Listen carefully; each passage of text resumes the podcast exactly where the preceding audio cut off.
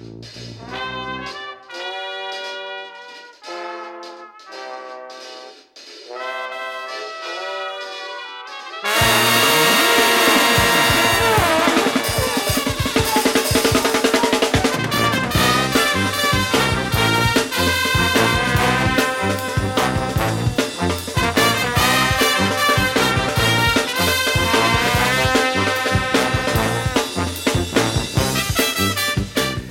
chroeso i benod 51 o Ysbeidiau Heilog gyda fi, Lee Jones. A fi, Llwyd Owen, lle byddwn ni'n rhoi sylwyr pethau bach sy'n gwneud gwahaniaeth mawr i ni yn ystod y cyfnod hollol honco hwn.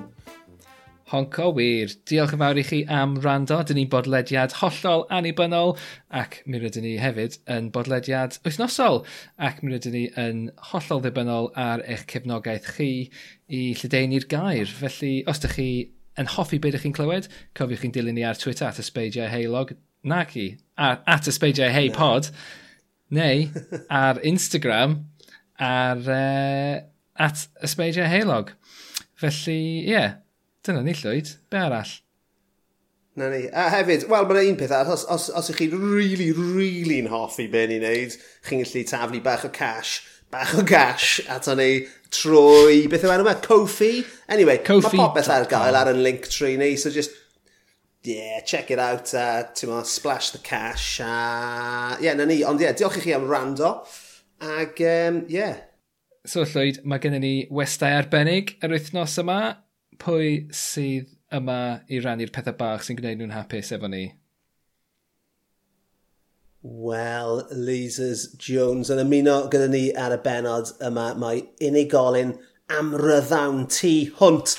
Mae'n hanesydd, archifydd, sefydlydd a chyfarwyddwr amgueddfa, cyflwynydd teledu, codwr pwysau, gwrach curadur, ymgynghorydd a darlledydd. Bloody hell. High brow a serious business felly, so beth yn y byd mae'n neud ar y sioe yma?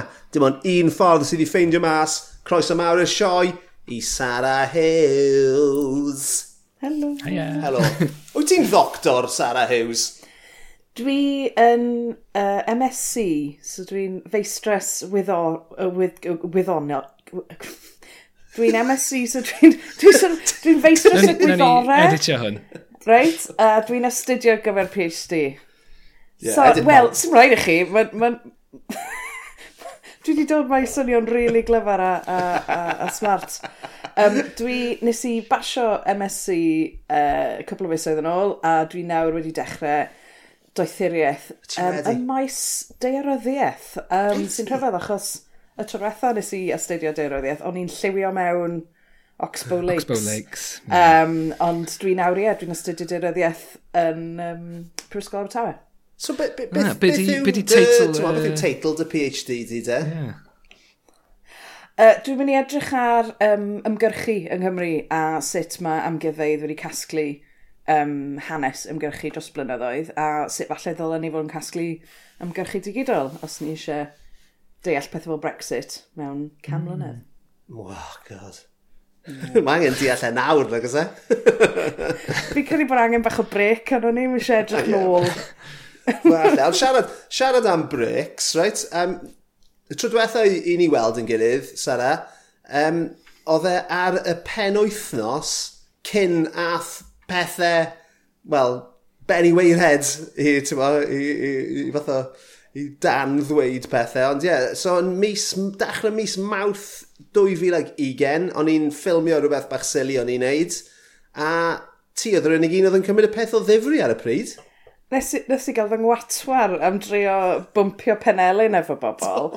Ac mae rai fi weid, mae'r diwrnod yna'n hollol glir yn y meddwl i, achos yn syth ar ôl i ni orffen ffilmio, nes i benderfynu, that's it.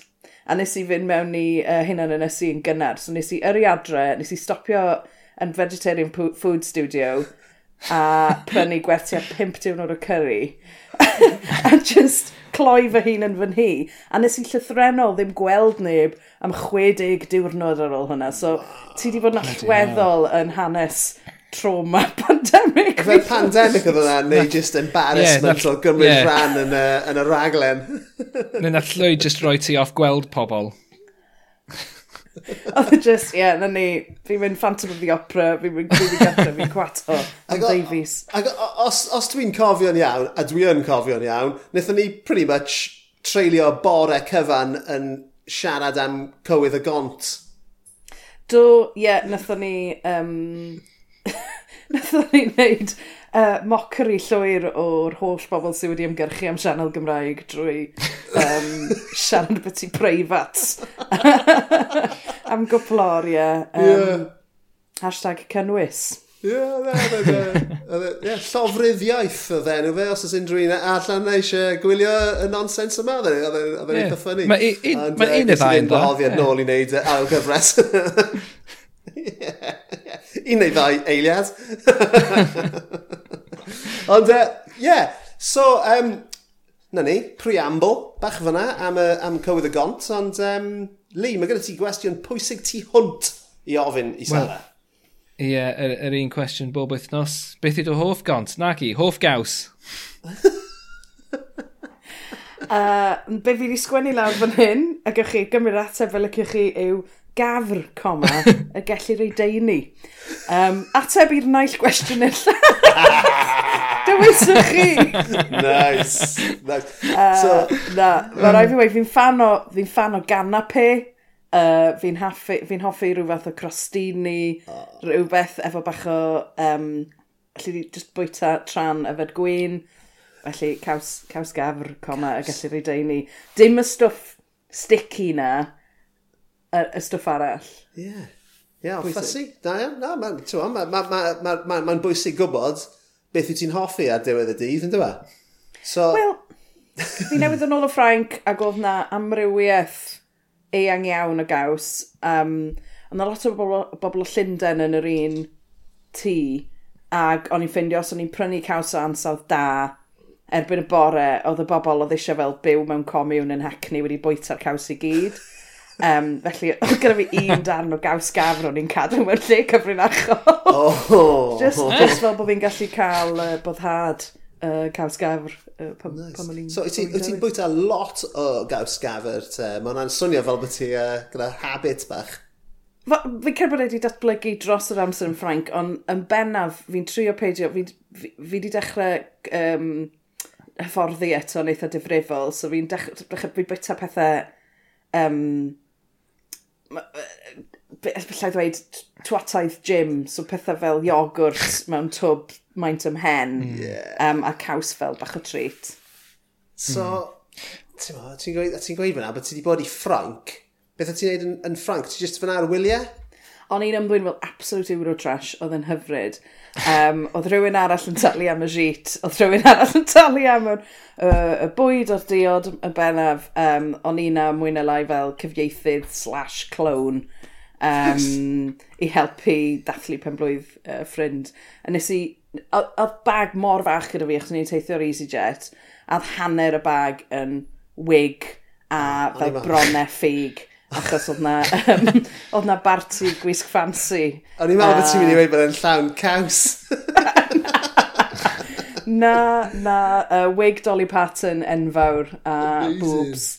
Um, Dolly Parton enfawr. so, wyt ti'n rigl yn Ffraneg? Ie, yeah, uh, ddim, ddim i flexo, ond ne, nes i astudio llenyddiaeth Ffrangeg yng Nghygrawnt am ddwy flynedd. Oh, wow. um, ond ar y cyd efo Rwsieg, ac oedd yn troi allan bod fi'n wirioneddol wael am Rwsieg. um, felly nes i, nes i newid cwrs a, a studio pe, hanes pensaerniaeth, um, a dyna, dyna pam dwi'n arbenigo yn beth dwi'n arbenigo yn ddo nawr. A ddim... Yn hytrach um, na gweithio i, uh, i Russian Secret, well, i MI6, ie? Yeah? Dwi, o, pam es i i ysgol haf yn St Petersburg pam oedd Putin yn... Fe cyrraedd yn sefyll am yr eil dro neu tro cyntaf ac oedd ganddyn nhw crysau tŷ mewn yn gwerthu ar y stryd. Lle oedd yn edrych fel yr ymyrawdwr Nero, oedd yn edrych mor um, egotistical a'r slogan ma, fysio pwtiom sy'n sort of fel, yes we can, ond mae hefyd fel, everything through hammer of Putin. um, a dwi'n cofio prynu'r Cris T ma'n meddwl, mae ma hwn yn hilarious, mae'r boi ma'n megalomaniac. Ac o'n i arfer gwisgo fe mewn ffordd eironig uh, yn y coleg. A na fi fel, ww, fi gobeithio bod hwnna wedi mynd i ryw banc dillad yn ôl. Achos fi'n credu allan ni wisgo fe a wyneb straight. Um, lawr y stryd dyddi yma heb, heb uh, i bobl boeni. Beth oedd y sefyllfa caws yn St Petersburg, ti'n cofio? O, oh, ti'n be, o'na un lle bach o'r enw Caffi, Caffi Idiot oedd i enwi ar ôl yr um, llyfr. Fy llyfr Dostoevsky we? Sa'n gwybod. Um, oedd nhw'n gael mm, nhw'n mm, sirnici, yeah. ond fel cacenne bach caws fresh. So eto, tangi, ffres, tebyg i gaws gafr. Ond ynddo nhw oedd fel citrus peel A bethau, yeah. a ti'n gallu cael nhw efo fel beetroot ar yr ochr a vodka rili really oer ar yr ochr. Um, eto fel top tier caws. Ond uh, ti eisiau mynd i Georgia os ti eisiau fel caws da dwyrain Ewrop. Mae chachapuri, ti'n cael fel, mae fel cwch o fara gyda caws yn y canol a wedyn maen nhw'n rhoi oi yn canol y caws. Oh, ac yn pobi fe, mae'n edrych o llygad. Um, a mae hwnna'n hynod o uh, flasus. Ond dyna oh, lle ti angen mynd os ti angen y, y caws da. Mae hwnna yn swnio'n hyfryd yeah. tu hwnt. I mean, mae ca caws ag o ie, can't go wrong. I mean, mae hwnna proli wneud i ti teimlo'n eitha sal, yn dweud, Lee? Tim bach, ie. Yeah. Dwi'n hoffi bara, ddo. Pa fath o bara? Tos ti'n mynd, o ti'n cael fel um, bara Lebanese, fel flatbread. Yeah. So mae bach okay. yn chewy, ond dwi e ddim yn rhy drwchus, beth yeah, fel yna. Yeah, yeah. Yeah. O'n i'n yeah. dychmygu torth mawr gyda'r canol di sgwpio allan. Just caws yn y canol. Fatha Elvis. Mwy fel pizza. Yeah. Mwy fel pizza yeah, na. Os, os gyda ti um, siop gaws yng Nghaerdydd, ti'n hoffi uh, ymweld â hi, Sara? Fi yn eithaf lyco mynd i Wally's, y delicatessen, oh, ond benna fach... Mae'r yeah. caws, yn, caws yn wych, ond hefyd, Um, mae yna gymaint o bobl yn gweithio na, fi ddim yn gwybod beth mae neb o'n nhw'n neud.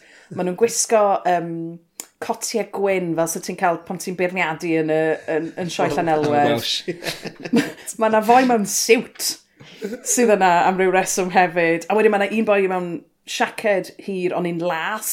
Lovely. Fi ddim yn gwybod beth mae pawb yn neud, ond mi'n rili really mwynhau y posurdeb, a wedyn rhesi a rhesi o bethau. Gwisgo lliwiau gwahanol. Yeah. Ynddi we? Yna rhyw fath o uh, sect dyna, rhyfedd. Dyna pam mae'r yeah. ma siop mor ddrud hefyd. Ti'n gwneud ni goffa talu am tailors nhw o stuff. Mae fos yn rhyw fath o um, amcan gen i i gael fridge fel hen, hen fenyw sy'n byw yn Paris. Fel fi fi byth yn gallu cyflawni hyn. Mae wastad rhywbeth hollol honcyn mewn na. Ond fel dwy ffig a fel darn o parmesan sy'n rili really dda a fel hanner pastry achos o'n i'n llawn ar ôl hanner cynta. Um, exactly. So fi yn hoffi mynd a prynu parmesan o Wally's, achos mae'n helpu fi yn y cosplay yna o esgus bod yn hen fenyw sy'n byw yn Paris. Ie, yeah. os, os, os pantry dy ti, Sarah? O oh, na, sgyf fi Marian Pantry. Na, wel, ti'n gwybod, fi'n gwybod bod ti'n jyst wedi symud i Dragana, ond i'n meddwl bod hwnna'n standard uh, yn, uh, ges, yn Dragana. Ges i fy swyno gan absolute tips, achos bod gyda nhw bantries. um, ond na, ni wedi mynd am rhywle sydd jyst efo fel toilet, gwely, sink yeah. a drws at all. Ie, yeah, yr, yr, yr, han, y pethau hanfodol yn dyma, ond ie, yeah, mae yna ma rhywbeth rhamantus am bantry. Oedd gyda, oedd gyda mam gi bantry. ond ie, yeah, y gwir yw, pointless. Ond ie, uh, Ie, yeah, so, so Sara, so ni symud ymlaen o'r caws. Um, mae gen i gwestiwn i ti am... Fi eisiau gwybod, am y li eisiau gwybod, beth yw'r peth mwyaf rhyfedd ti wedi bwyta? O'n i'n trio meddwl am hyn, achos i'n meddwl, wel, o'n i'n gwrando'r peth beth yn Gwanas, ac o'n i wedi teithio'r holl lefydd amazing ma, a bwydydd mor anarferol. A i'n dechrau meddwl, o'n i'n fel, wel, mae lot o'r bwydydd sy'n ni'n gweud sydd yn sort of anarferol, maen nhw jyst yn bwyd normal o'n pobl sydd ddim yn byw yng Nghymru. So o'n i'n meddwl, ydw i'n bod yn yn ffynnu am, am cuisines diwylliannau eraill. Cultural imperialist. Nes i gofio bod fi wedi treulio. Ie, yeah, o'n i'n meddwl, oh dear, ydw Am I othering someone else's dish here? Um, ond nes i gofio wedyn bod fi am o leia chwe mlynedd wedi bod yn fenyw diduraidd uh, Sain Fagan. Ac oedd rhan o'r swydd yna oedd gwisgo lan mewn corset pren a bonet a barclod a coginio ar y tân. Um, so dwi wedi mm. coginio lot o bethau rhyfedd, a ni trio meddwl beth oedd y pethau mwyaf od. Um, nes i uh, geisio coginio bryd hynny, ac hyn oed wedyn, o'n i fel, wel, gafr, I mean, o'n i jyst mynd i butcher in Grangetown i brynu gaf, dwi'n e ddim mor weird a hynny. Um, so os gyda fi ddim fel, ww, nes i gael bush tucker challenge, ond um, oedd dysgu coginio pethau ar y tân, Um, Tra'n gwisgo corset pren, wedys di? Hmm. Ie, mm. yeah, yr, um, yr kind of corset... Ach, ti'n ti cael y kind of... Nes, nes i just um, etifeddu'r wisg ma gan rhywun oedd union o'r un taldra ond fel hanner y seis. um, so, so then wastad yn sort of trwanu fi yn y mola wrth i fi wneud yng ngwaith. Ond oedd Blackberry gyda fi ar y pryd, uh, i jyst i fynd â chi nôl i'r canol yr oats. Uh, ac oedd yn ffitio'n berffaith i mewn i'r corset. Um, ond peth actually, peth gweitha am y swydd na, o ti byth yn cael brec, achos bod ti mewn gwisg. Mm. So oedd rhywun yn dal ti'n textio, ond fel, wei! Neu, fi'n cofio unwaith, trio bita onion baji, yn, fel yn y, yn y goedwig yn sain fagan, jyst yn gyflym ac yn... ac yn sort of fel rwan nifail, um, achos o'n i ddim eisiau neb i dynnu llun ohono i'n bwyta bwyd anghitnaws. Um, ond ie, fi Commitment i'r rôl fyna, Sarah. Ie, yeah, wel, fi creu ar gweddau um, uh, tuduraidd mawr, pethau falle mwy ar rhyfedd, a pethau fel mm. um, beef dressed as bear, so pethau fel lle ti'n ti defnyddio spices i drio rhoi blas arth ar dy, um, ar dy gigeidion a pethau felly. Just, twod. Pa spices ti'n defnyddio? Bwys arth. Mae'n mae gyfrinach llwyr. Mae yna fenyw ar enw Sally Pointer sydd yn arbenigraig. Mae'n bod math o bethau hanesyddol. Um, a nes i hyfforddi gyda hi. Mae'n gwybod am golir, persawr, tmod, bob math o bethau esoteric y gorffennol. A mae hi'n absolutely gardio'r uh, recite. Oh, wow. um, uh, wow. Mae hi'n uh, well, amddiffynol iawn. Fe is i, ydy, ydy hi'n rhannu'r recite efo amgueddfeidd arall o gwbl? fi gallu'r prynu yr, yr, yr gymysau, mm. gymysgedd i'w ddefnyddio, um, ond Achos, mae hi wedi um, perfeithio fe yn ôl i kind of, um, ymchwil hi. Achos dwi'n cofio, nes i fynd i um, Hampton Court um, tai y ped mlynedd yn ôl, ag uh, Wel, falle, falle bach yn hirach na hynny. a chymod, yr un peth yn fanna, dyma nhw, chymod, un o'r highlights yn Hampton Court Palace yw'r gegin tuduraid sydd ganddyn nhw.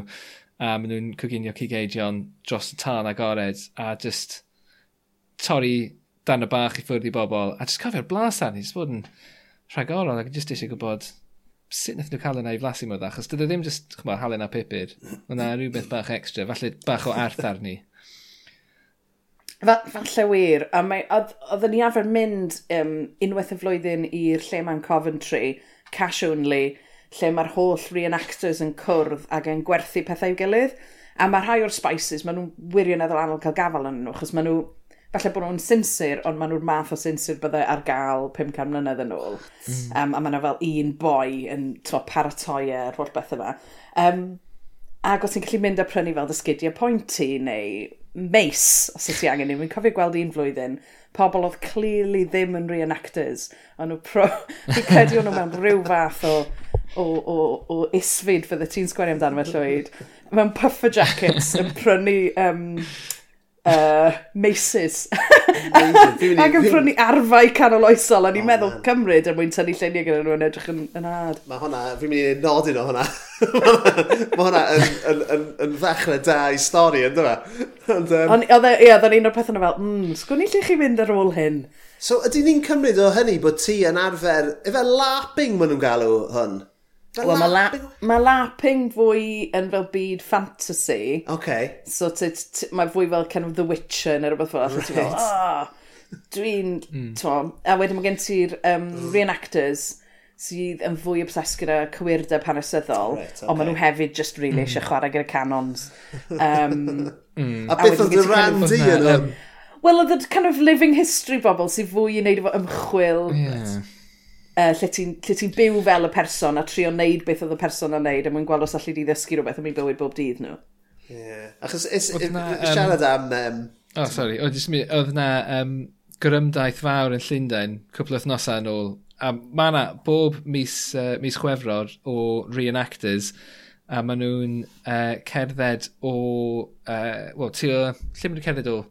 O Palace St James i Banqueting House yn Whitehall um, i gofnodi'r diwrnod pan nath Siarl y cyntaf gael ei dienyddu. Uh, dienyddu? Ie, yeah, hynny di'r gair. Um, yeah, yeah, dienyddu. yeah, so maen nhw'n mynd, a maen nhw'n chwod, mae yna canoedd ohonyn nhw'n gwisgo gwisg um, cyfoesol ac yn uh, cymryd, maen nhw'n cario wreath efo nhw ac yn rhoi e ar y man lle gefodd ei ben di uh, torri ffwrdd. Waw. Oedd y bobl um, English Civil War yn arbennig yn, yn sticklers, dwi'n cofio oedden nhw'n mm. wirioneddol. Oedden nhw eisiau defnyddio rhyw fath o ammo, um, oedden nhw'n neud y sŵn cywir o beth bynnag. A fi jyst yn cofio um, rhywun o pentres na'n ffagan un flwyddyn yn galw'r heddlu. A oedd e jyst yn un o'r pethau na ti'n gofod sgwennu asesiad risg ar ei gyfer e, lle ti fel, ydyn ni wedi symud y bichod o'r, or, or, or, or cae top fel bod nhw ddim yn mynd yn wyllt ydyn ni wedi sôn wrth y bobl yn y pentre bod ni'n mynd i danio canon am ddau o'r gloch. Na, o oh, gret, mae rhywun wedi ffonio'r heddlu a gweud, uh, terrorists are coming to some fagons. so, Oedd e just yn swydd rhyfedd. Ti di sôn bod ti di gweithio yn Saint Fagan am chwech mlynedd, wedys ti? Neu o ti fan anherach? Uh, o'n i gyda'r amgeddfa yn gyfan gwbl am dair mlynedd o ddeg, rhywbeth okay. fel as o'n gweithio yn yr amgeddfa yng Nghaerdydd ag yn Sain Fagan. Yn, okay. Uh, so beth yw, wyt ti'n ti gael cyfle i fy nôl i Sain Fagan o gwbl neu ti'n ma? Nes i wneud bron rhywbeth fes o'n i byth di wneud, um, ond mae merch yng Nghymru, um, oedd hi'n hanner tymor, a nes i fynd i Sain Fagan yn y glaw a wneud yr yr fel big tourist. hitters i gyd. Fel tourist, a fi'n cael mae digon amser i pasio er, lle dwi ddim... O'n i'n gofio stopio i siarad efo pawb, yeah, yeah, a holi yeah, yeah. sydd so, pethau mynd, a bla bla bla. Um, ond oedd hi'n hollol lib, oedd hi'n llwyd, ac oedd hi'n... Um, Just math o ymweliad. Ie, yeah, oedd e'n rhywbeth, um, oedd e'n cathartic ydy'r gwir, oedd e fatha, wel, mae ma lot i digwydd yn Sain Fagan, uh, nes i gwrdd yng Nghymru gyna tra bod fi'n tanio'r Wicker Man un flwyddyn. Um, ac, um, a fyddai'n mynd nôl i helpu gyda'r PhD, ond oedd e'n neis mynd na fel pynter so, glib. Ti'n ti, ti gallu gweithio ni, beth ydy hoff, da, da un os, os e trai ti dewis y lle, dy hoff le di yn Fagan, beth yw e? Os mae gen i, mae gen i hoff le hefyd, ond... Uh, beth beth yw'n ti? Fi'n caru um, y, y, y colomendi, a'r ardal mm. yna lle mae um, lle, lle ma Peter Pan. Mm. Mae yna ma, gerfyn o Peter Pan ma... gyda'i goch allan. A mae'r ma, ma, ma, ma cerfyn yna i wneud i deimlo'n... E? Yn reit. Mae'r twc moch lan wrth, y, wrth, y wrth, I don't know, fi jyst yn cofio treulio lot o amser o gwmpas yr afon y nant fach yna gyda, gyda fy merched i amser nhw'n fach. Amser nhw'n dal yn siarad gyda fi. O. Ond ie, so lle wedi dy hoff le di yn Sain Fagan? Dyddi da. Um, Dwi'n credu, um, neu ddys i ymuno ar lle, chos o'n i wedi astudio hanes celf, hanes bensyniaeth, ac o'n i wedi arbenigo mewn celf uh, tydyraidd, a so rhan o'r swydd, hanner e oedd gwisgo lan fel morwyn tydyraidd, hanner arall oedd gwaith eitha intens hanes celf yn gweithio gyda'r eglwys. Um, so tra bod nhw'n peintio'r midluniau, tra bod nhw'n neud y cerfiadau i gyd, a gweithio gyda'r um, tîm i helpu nhw benderfynu sut i ail, ail uh, adeiladu'r lle, gyda bobl lot mwy cymwys na fi ar y pryd.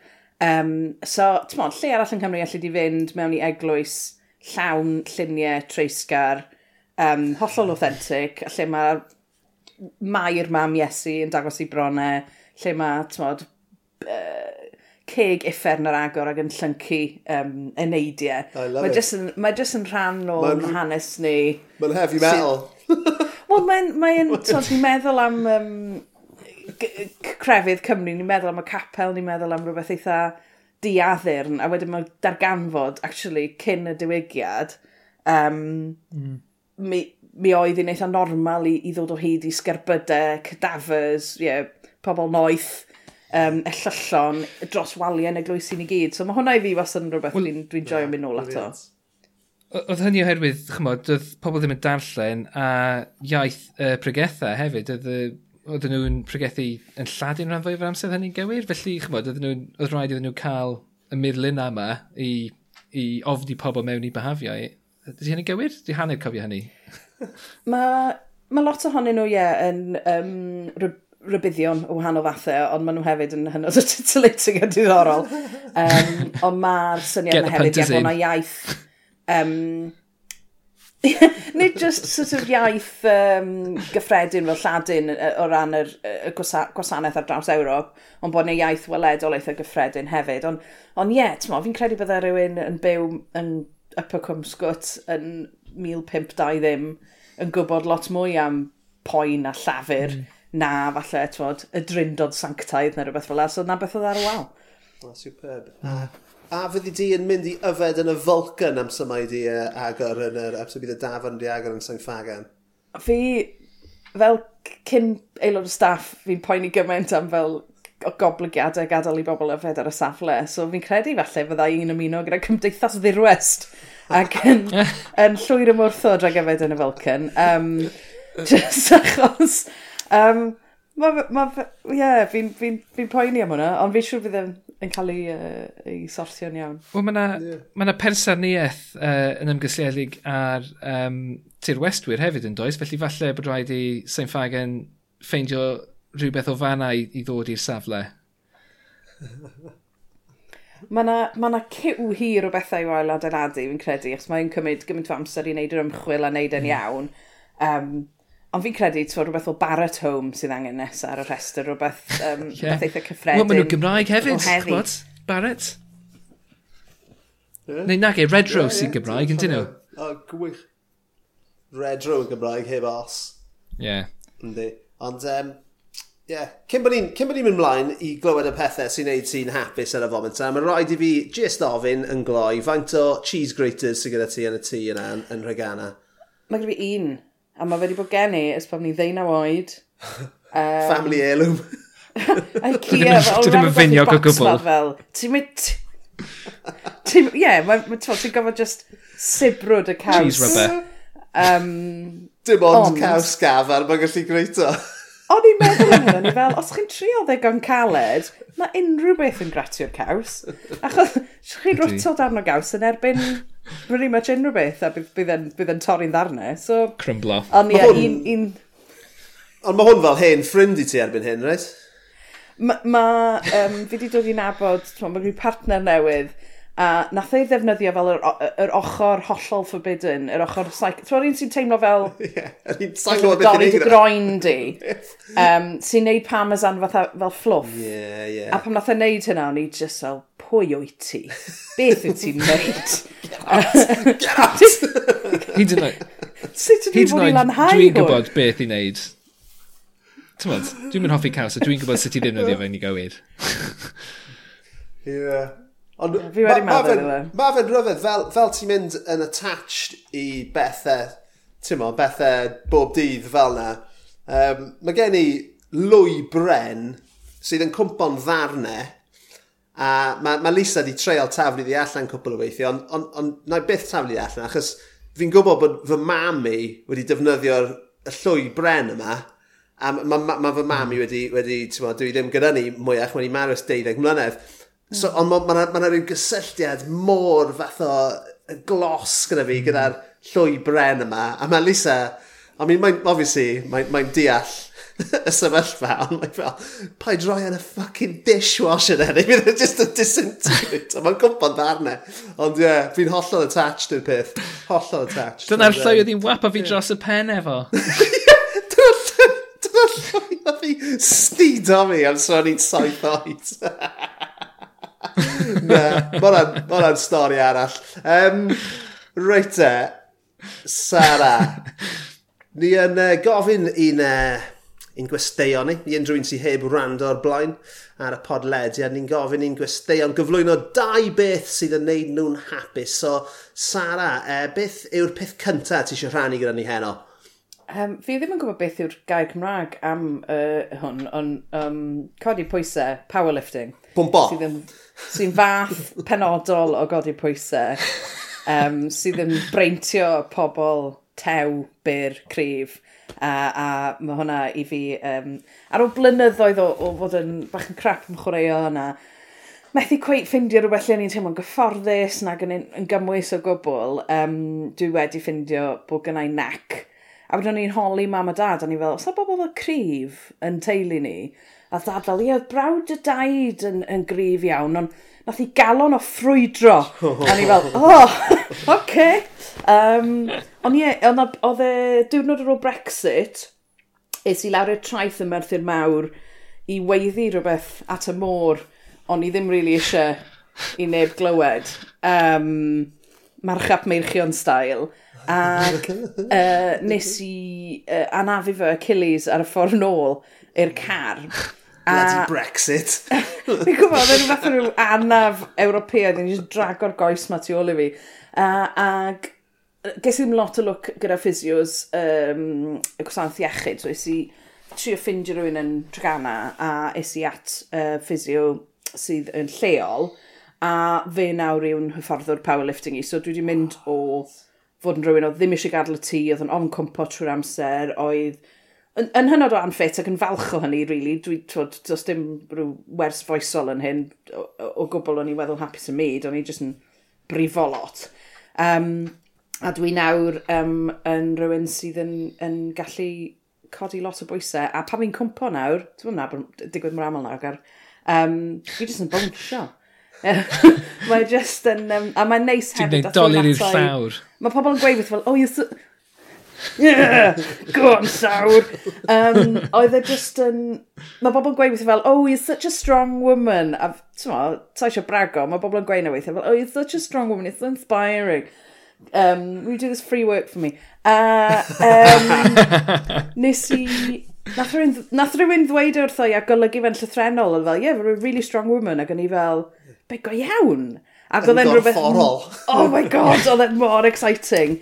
Um, so yeah, dwi'n dwi nawr yn dychwelyd at hyfforddi ar ôl seibiant a symud tŷ a goffred masters, a so fi'n edrych nawr ar y dyfodol, edrych ar be licen ni wneud gyda, gyda hynny. Wel, os gallwn ni rewind o chydig bach, yn ein penod um, well, blwyddyn newydd ni, wnaethon ni ofyn i'n gwrandawyr ni beth oedd ei fath o dyheadau nhw ar gyfer y flwyddyn newydd, a nes ti i ddweud bod ti eisiau tynnu, fi'n meddwl ti'n tynnu awyren neu tynnu car Fi'n gweud tynnu car, achos mae'n car oedd e. O'n i'n meddwl am deranged. Strong. yeah, ie.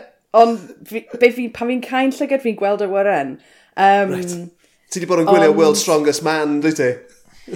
Wel, mae hwnna'n un o'r pethau nes i ystyried, o'n i fel, dylen ni ddechrau hyfforddi ar gyfer Strong Woman. Um, ond wedyn nes i symud ti a sylwi bod fi ddim eisiau cario unrhyw beth, unrhyw bellter, beth eto. Yeah. Fi jyst eisiau tynnu fe off y llawr a hmm. roi e yn ôl lawr. Um, ond ie, yeah, fi wedi ffindio, mae ma un o um, ffrindiau yng Nghariad, um, mae dy fe licensed pilot, a fi wedi ffindio mas bod gyda fe Cessna, sydd yn tua tunnell a hanner. Fi okay. yn gwybod os yw hyn yn hollol wellgo, A fi wedi googlo, mae'n Harry yn tua tunnell. Ti just angen cael, ei, ti just angen cael start arno fe. Fi'n teimlo unwaith, mae fe'n mynd, fi'n teimlo bod e'n eitha yeah. doable. Um, ond ie, yeah, fi, fi, fi di ffindio rhywun efo awyren sydd yn fodlon gadael i fi trio tynnu fe. Fi jyst nawr yn gorfod meddwl okay, pa so, fath o hyfforddi fi angen neud e, cyn so, fo fi na nafu fy hun. So mae gyda ti, ti'n ma, gôl o tynnu tunnell a hanner, ond beth wyt ti'n codi na, like heddiw, os ti wedi bod yn hyfforddi heddiw, beth, beth wyt ti'n codi, beth yw'r pwysau ti'n codi? Fy, fy, fy nghodiad uchaf, uh, uh, ar dedrif sy'n rhywbeth o 130 kilo. Um, mae squat tua 110, 120 falle, um, a mae bench yn, yn dod, fi'n dechrau gweithio ar bench, a mae bench tua hanner cant, so, um, so, so, mae angen... So, o, o i gyrraedd 130 kg, beth oedd dy bwys, beth oedd nes i ddechrau, beth oedd y pwysau cyntaf nes ti, ti'n modd? Ti jyst yn dechrau gyda'r bar, a ti'n okay. dechrau gyda just techneg, um, a ti, ti basically yn, mae yn hynod anffasiynol, ti'n modd, rote learning, lle ti jyst yn ailadrodd rhywbeth dro ar ôl tro ar ôl tro. Mm. Ond mae'n neud gyda um, percentages, so ti'n ti ffindio beth yw y peth tryma allai di godi a wedyn ti'n hyfforddi 80, 60 i 80 y cant o hynny, tan bod hwnna'n dod mor hawdd bod y cant y cant yr un mwyaf trwm ti'n trio eto a ti'n cynnyddu y pwysau yna a ti'n gweithio lan ffordd yna.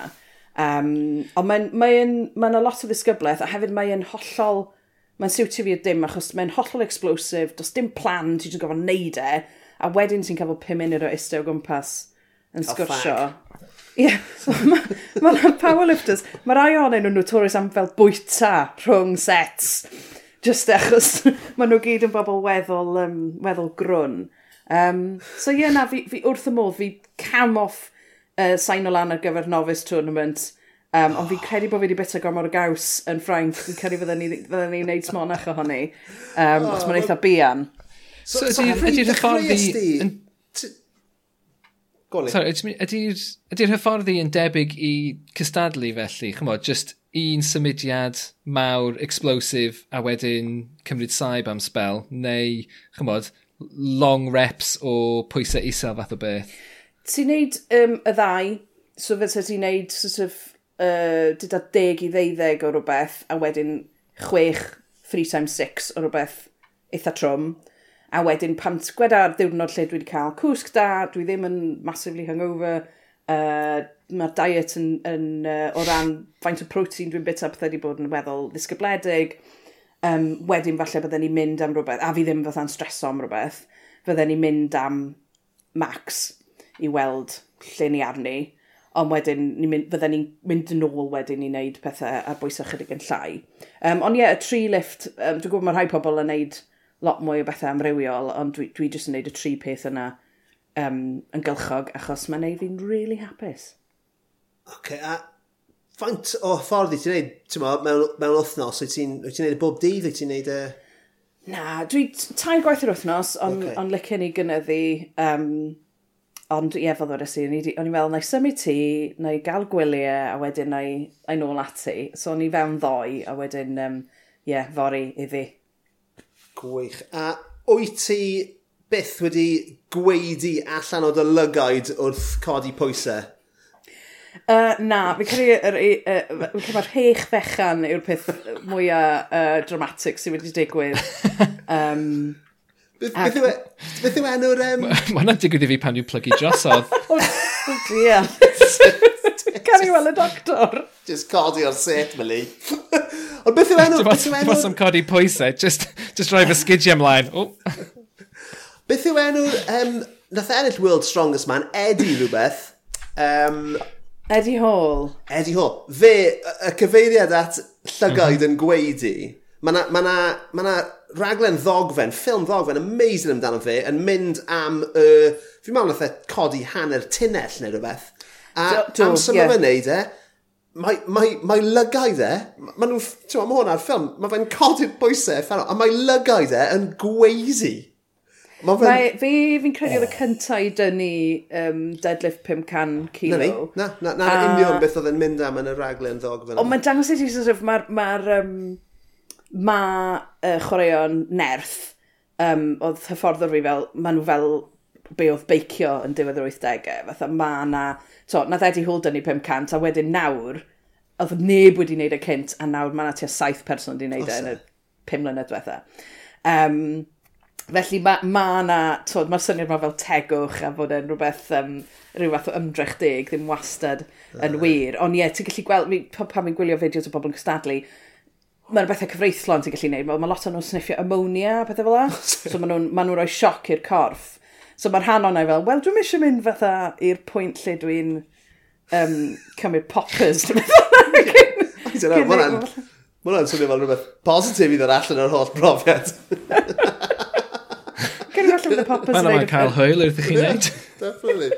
Definitely. A mae hwnna'n um, ffantastig. I mean, wyt ti'n codi pwysau, Lises Jones? O, oh, na, dwi. Na, na, na. Beth. Dwi'n meddwl, um, na, Dwi'n dwi hyd yn oed yn gallu ystyried y peth na. Wel, to, o'n i'n... Fi'n pwyso union i faint ag o'n i cynt, ond fi'n lot cryfach, ond o'n i'n llythrenol cys unrhyw esgus i beidio wneud mawr y corff. Um, mm. A bydden ni byth, byth wedi gallu meddwl bod rhywbeth fel hyn yn gweddi. A mae... Uh, fi ddim eisiau bod yn rhyw fath o efengyl codi pwysau, ond fi'n credu dylai pawb o leia gael go, achos mae'n... Mae wedi bod yn hollol dros newidiol. Um, mae rai fi wedi, mae'n lot o wahanol ffyrdd Fantastic. Mae hwnna'n ffantastig. A ydy dy bartner di yn uh, codi pwysau hefyd te? Ydy fe'n ymddiddori? Uh, Wel, mae fe'n ma fe werthwr gwyn, so mae fe'n symud oh. lot o stwff o gwmpas y lle, lot o pallets o wyn. What first attracted you to the swine cellar? uh, yeah, so yeah. mae fe'n ma fe, ma fe a lot o, o bwysau, ond on dim yn y gampfa yeah, na, digon teg, digon teg. O'n i'n meddwl bod e'n rhywbeth falle bod chi'n gallu neud. Ti'n ma, ma, ma, probably yn rhywbeth Gallech chi mynd yn really ymgolli yn ddo fel Spot cwpl. Gallech, Fi yn, ti'n gallu gweld nhw ar Instagram a maen nhw'n ma nhw, ma nhw hynod o cute a beefy. Ond nes i dynnu fideo fy hun yn, yn codi pwysau, os ni fel, falle, bo, falle, to, na i ddysgu rhywbeth o ffwm, ond hefyd falle fe na lean, to, inspiring, o, mae'r gwynebau e fi'n neud pan fi'n cofio pwysau, fi, fi ddim yn ei eisiau yn i weld nhw. Um, Nes i am hwn y fideo i'n mrawd, a mae fe jyst yn defnyddio screenshots ohono fe fel reaction gifs. Amazing. Fi eisiau gweld nhw nawr. Mae nhw'n fflat. Fantastic. Oh, right e, Sara, yna'r peth cyntaf, mae hwnna'n amlwg yn, yn neud ti'n hapus ti hwnt, ond um, beth yw'r beth yw ail beth ti eisiau cyflwyno i ni? Dim i fod yn cliché llwyr fel person sy'n gweith, gweithio mewn llyfgell ac yn, yn, uh, yn byw bywyd eitha twi, um, ond cathod, cathod fi, oh. specifically. Oh. Um, yeah, maen nhw, fi'n gwybod, maen nhw ar hyn o bryd tu fas i'r stafell ma yn y drws gwydr yn edrych yn hynod o pleintif a, a, a trist bod fi wedi cloi nhw allan. Maen nhw on ped, pedwar Gad nhw fewn! Mis oed. Fi eisiau gweld nhw. Na fydden nhw jyst yn dringo lan y curtains ac yn neud mes. Ni wedi cael nap pan am yn balad lle nath nhw jyst cysgu ar y moli am gwpl oriau. Oh so, my god. Ydyn nhw'n... Ydyn nhw'n frawd a chwaer neu'n chwaer a chwaer neu'n brawd a brawd neu... Dwy chwaer, Ursula, mae hi wedi enwi ar ôl Ursula Mason, yr uh, hanesydd o Ferthyr, a mae Dorothy, Dorothy Pampetrus Hughes, um, wedi enwi ar ôl uh, Dorothy Edwards yn nofelydd, a Pampetrus oedd yn wrach... Um, uh, fi'n cael efo Lois wedi, uh, wedi ymchwilio hi, ond o'n ni jyst meddwl bod angen enw canol arnyn nhw, fel bod fi'n gallu sort of, gweiddi arnyn nhw. Nice. Oh, yeah. Dorothy no, Pam... Mae eisiau... Mae eisiau... Mae siŵr sure, enw llawn i'r plantos, yn dweud sef, wrth gwrs bod Ie, yeah, o'n i... O'n i'n hollol gadarn, o'n i fel, mam ydw i'n mynd i lunio boundary, dyn nhw ddim yn blant i fi, os ydych chi'n dod draw, chi ddim yn gwarchod, uh, peidiwch y galw nhw'n y genod, fel, fi ddim yn cachnwm.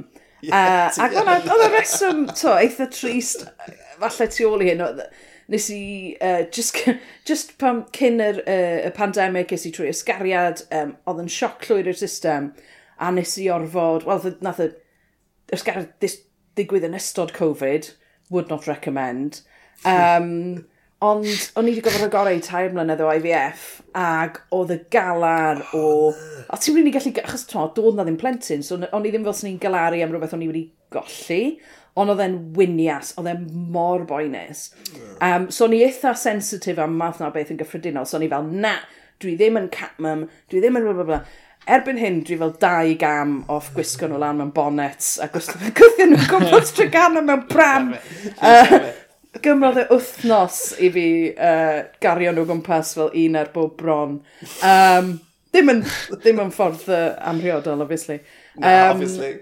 so ma, ma nhw, ma nhw just, ma nhw wedi, ma nhw wedi bod yn, um, yn hwb, a ma nhw wedi bod yn creu y ffordd mwyaf iach a silly o ddelio hefo'r galar ma. Mae gen i oh. backpack efo ffenest yn efo, a mi'n gallu cario nhw gwmpas yn y backpack. Oh, oh, oh Dwi wedi gweld y nutters yn i. Hwna'n gam yn rhywbeth.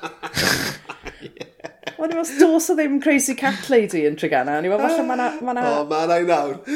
Ma'na gagendor. so, gai, gai, gai ofyn i ti, uh, ble, ble nes ti ffeindio'r cathod yma? Nes ti ffeindio'r ffarm yn rhywbeth? Sort of, ie. Yeah. Nes i, um, lle mae'r pethau gorau i gyd i'w canfod. Facebook ffrind i ffrind o fod organ. Um, so ie, yeah, na hmm. nes i just cwrdd â rhywun o'n i rioed wedi cwrdd â'r blaen mewn maes parcio yn ôl gellau. A nath nhw weid, maen nhw'n ddwf, maen nhw'n byta popeth, a maen nhw'n gwybod sut mae eisiau litter, a nath nhw just sort of... Amazing. Llechu nhw atai.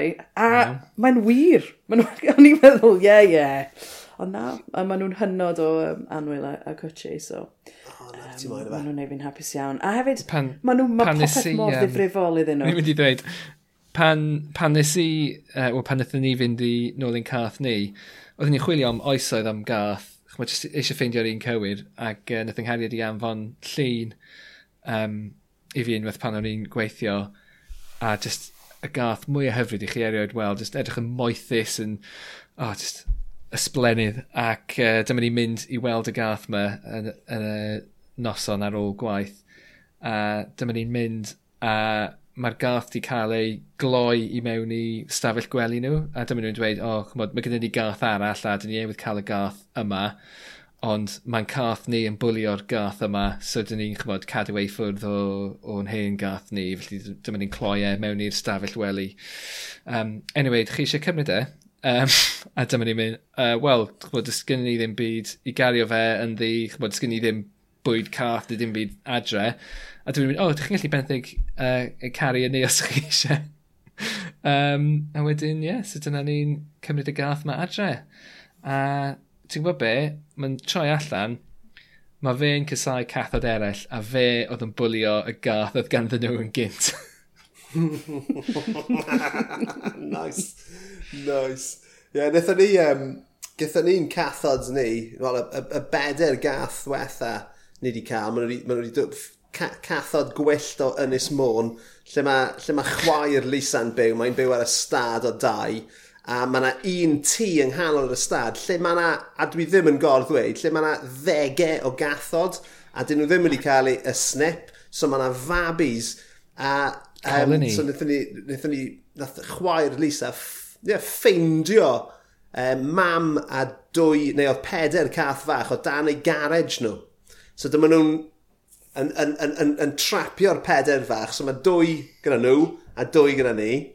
Um, a wnaethon ni ddod, ond nhw'n wyllt, ond nhw'n hollol wyllt. So wnaethon ni gartre nhw o Ynys Môn i Gyrdydd, a nath syfu pan oedd hi yn byth, 5-6 oed, nath hi dreulio bron Tewa, bob, bob munud oedd hi'n gallu yn dofi nhw ar ben ei hun. A, a, a, a hi nath wneud ei gyd. Mae'r ma, ma, traws newidiad o ddwy gath wyllt oedd eisiau crafu a cnoi popeth mm. i... O, oh, maen nhw mor... Wel, mae un o'n nhw wedi marw erbyn hyn, ond on mae'r un sydd ar ôl Pwdin Ceirios, uh, achos mae angen dwy, dwy, dwy, dwy, dwy enw ar, ar, ar, ar bob cath. Ac um, a oh, mae'n mor, mae'n mor soft. Mae'n mor, ma, ti'n mae'n mae mae rhyfeddol meddwl lle dath i ond. Yeah, I love it. Cari cathod ar y podcast yma, dyn ni. yeah, a mm, ni'n trafod, ni'n cynnal digwyddiad ddiwedd y mis, um, edrych ar cynnal camp Cymraeg, a ni'n trafod gyda ffrind o beth yw camp, chos mae pawb o ban gwahanol. Ac oedd hi fel, pa mae rhywbeth rili really o, pa mae rhywun yn cymryd rhywbeth rili really o ddifri, a pam ti'n edrych arno fe ti allan, dwi'n really ddim ddifrifol o gwbl. Fel, fel yr orsedd neu rhywbeth, lle mae pawb fel, reit, dyma fel ni'n neud e. Um, ac fi wedi penderfynu, mae ma rhaid bod y cathod mae'n camp, achos mae fel, mae pob peth, y peth mwyaf difrifol maen nhw rioed wedi wneud, fel hela, fi wedi prynu um, esgus sushis bach iddyn nhw, um, a lle maen nhw'n, mae ma popeth, ti'n mae bren nhw maint be, mini baby bell, a mae popeth yn serious business iddyn nhw. Dwi wastad yn dweud yng Nghaerdydd. Um, yeah. A mae'n Wastad yn gael yn walnut head. Yeah. Achos dyna mae'n te menydd e. Maen nhw yn deall ddo, a maen nhw, maen nhw, yeah, maen nhw wedi, um, a ni fel, i ddathlu bod allan o sort of tea rent diflas lle o'n i ddim yn cael um, ymyrryd o gwbl. O'n i'n cael rhoi bachyn lan a dim byd heb gan ei tan. O'n i'n fel, reit, fi'n mynd i symud ti, fi'n mynd i lenwi fe gyda cathod a byw yn hyddychlon. Ydyn nhw'n cael mynd allan gyda ti, um, neu wyt ti'n cadw mewn? Mi, mi fydd eisiau iddyn nhw fynd allan cyn hir, achos maen nhw'n llythrenol dringo'r dringo waliau. Um, ond mae yna brinder brechiadau cath, a that for middle really? class problems. Um, achos Brexit, mae'n debyg. Na. Um, so dwi ddim wedi, dyn nhw ddim wedi gallu cael eu brechiad eto. So oh, unwaith oedden nhw wedi cael e, ie, yeah, gan nhw fynd allan, ond am nawr. Um, Bant nhw. Ond ie. Ie, yeah. o na lyflu. Na lyflu. Wel, ni wedi cael, ni wedi cael y caled y peth mwyaf caled, codi 130 kg, a peth mwyaf meddal, cario, cario cath o bach mewn rucksack heno. Um, so ni disgwyl dim, dim llai. A, a, a, lot o... Ie, yeah, lot, a ie, yeah, digon o bethau hau braw a hanesyddol hefyd. A so ni ddim yn disgwyl llai na hynny wrth, wrth o ti, Sara. Um, cyn bod ni'n ffarwelio, os, os gyda ti unrhyw beth ti eisiau rhoi plygu? E, Mae'n gwbl ti'n, o'n i'n gweud ar top y raglen, bod ti'n gyfarwyddwr amgueddfa a stuff fel yna, so ti'n Ie, yeah, wel mae ma hwnna'n rhywbeth dwi um, wedi um, ymddiswyddo fi wrthon yn ddiweddar iawn, jyst right. er mwyn rhoi'r um, baton i rywun arall. Um, un peth sydd gyda fi uh, ar y gweithio hyn o bryd, mae gen i ymgyrch er mwyn um, gwythio ar gyfer dillad, chwaraeon a'n enwedig dillad ar gyfer um, neu pethau tu fas i bobl tew, bobl plus, bobl tal. Um, so os so oes bobl a diddordeb mewn dysgu mwy am sut i gael mynediad at bethau fel dringo, padlfyrddio, nofio môr, haicio, a sut i gael kit i wneud ni, os ydych chi'n berson sydd yn plus neu'n neu, dew, fel fi, fi'n problem dy fi dy'r enw. Um, mae da ni ymgyrch o'r enw Everybody Outdoors, Um, a mae croeso chi ddod i ffindo ni ar Instagram. Um, a ni wedi cael ymateb, just, mae wedi bod, wnaethon ni lansio rhyw wythnos yn ôl, a ni wedi cael ymateb gan llwyth o gwmnïau yn barod eisiau siarad gyda ni am uh, sut i greu a darparu uh, dillad kit da ar gyfer um, seiclo, dringo, bob math o bethau. So, trio wneud uh, chwaraeon o bob math o fwy hygyrch i bobl o bob siap um, sy'n rhaid bod chi'n denu i gael hawl i fwynhau yr, yr holl weithgyrraedd yma. Gwych. A beth yw dy handle di ar Twitter a Instagram so pobl eisiau ffeindio a dilyn ti? Uh, Sara underscore Hughes, na i warnio chi, nes i gael gormod o gremon twth yswetha a nes i bostio lingerie selfie on main a tagio, tagio cwmni lingerie Rihanna ynddo fe. So ni fel, wel, Mae di roi hyder i fi i bostio fe. Uh, fi di dileu nawr, ond um, gewch chi gymysgedd o fel pethau rili really difrif fel o beth i academia a falle occasionally met llwyr. Ie, yeah, fi fyna yn yr academia. Na, superb, Sara. Diolch yn fawr i ti am dreulio awr yn fach gyda ni heno. Ni'n rili really yn gwerthfarogi fe. A ie, yeah, cyn bwyll a cadw i godi'r pwysau yna. Diolch yn fawr, hwyl!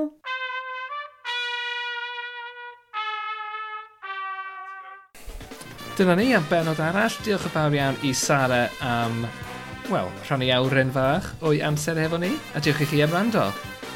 Ie, yeah, wir. Uh, gallwch chi ein helpu ni wrth gwrs trwy ledeini yr efengil yn ôl Leasers a Llwyd ar y trydar at ysbeidiau Heipod ar Instagram at ysbeidiau Heilog neu tablu bach o gash i'n cyfeiriad ar co-fi. Mae'r wybodaeth i gyd ar yn link tri ni sydd ar yn cyfrif Twitter a Instagram. So ie, yeah, diolch i chi am rando a diolch fil i Sarah Hughes am fod yn westau arbennig. Tchau, Bob.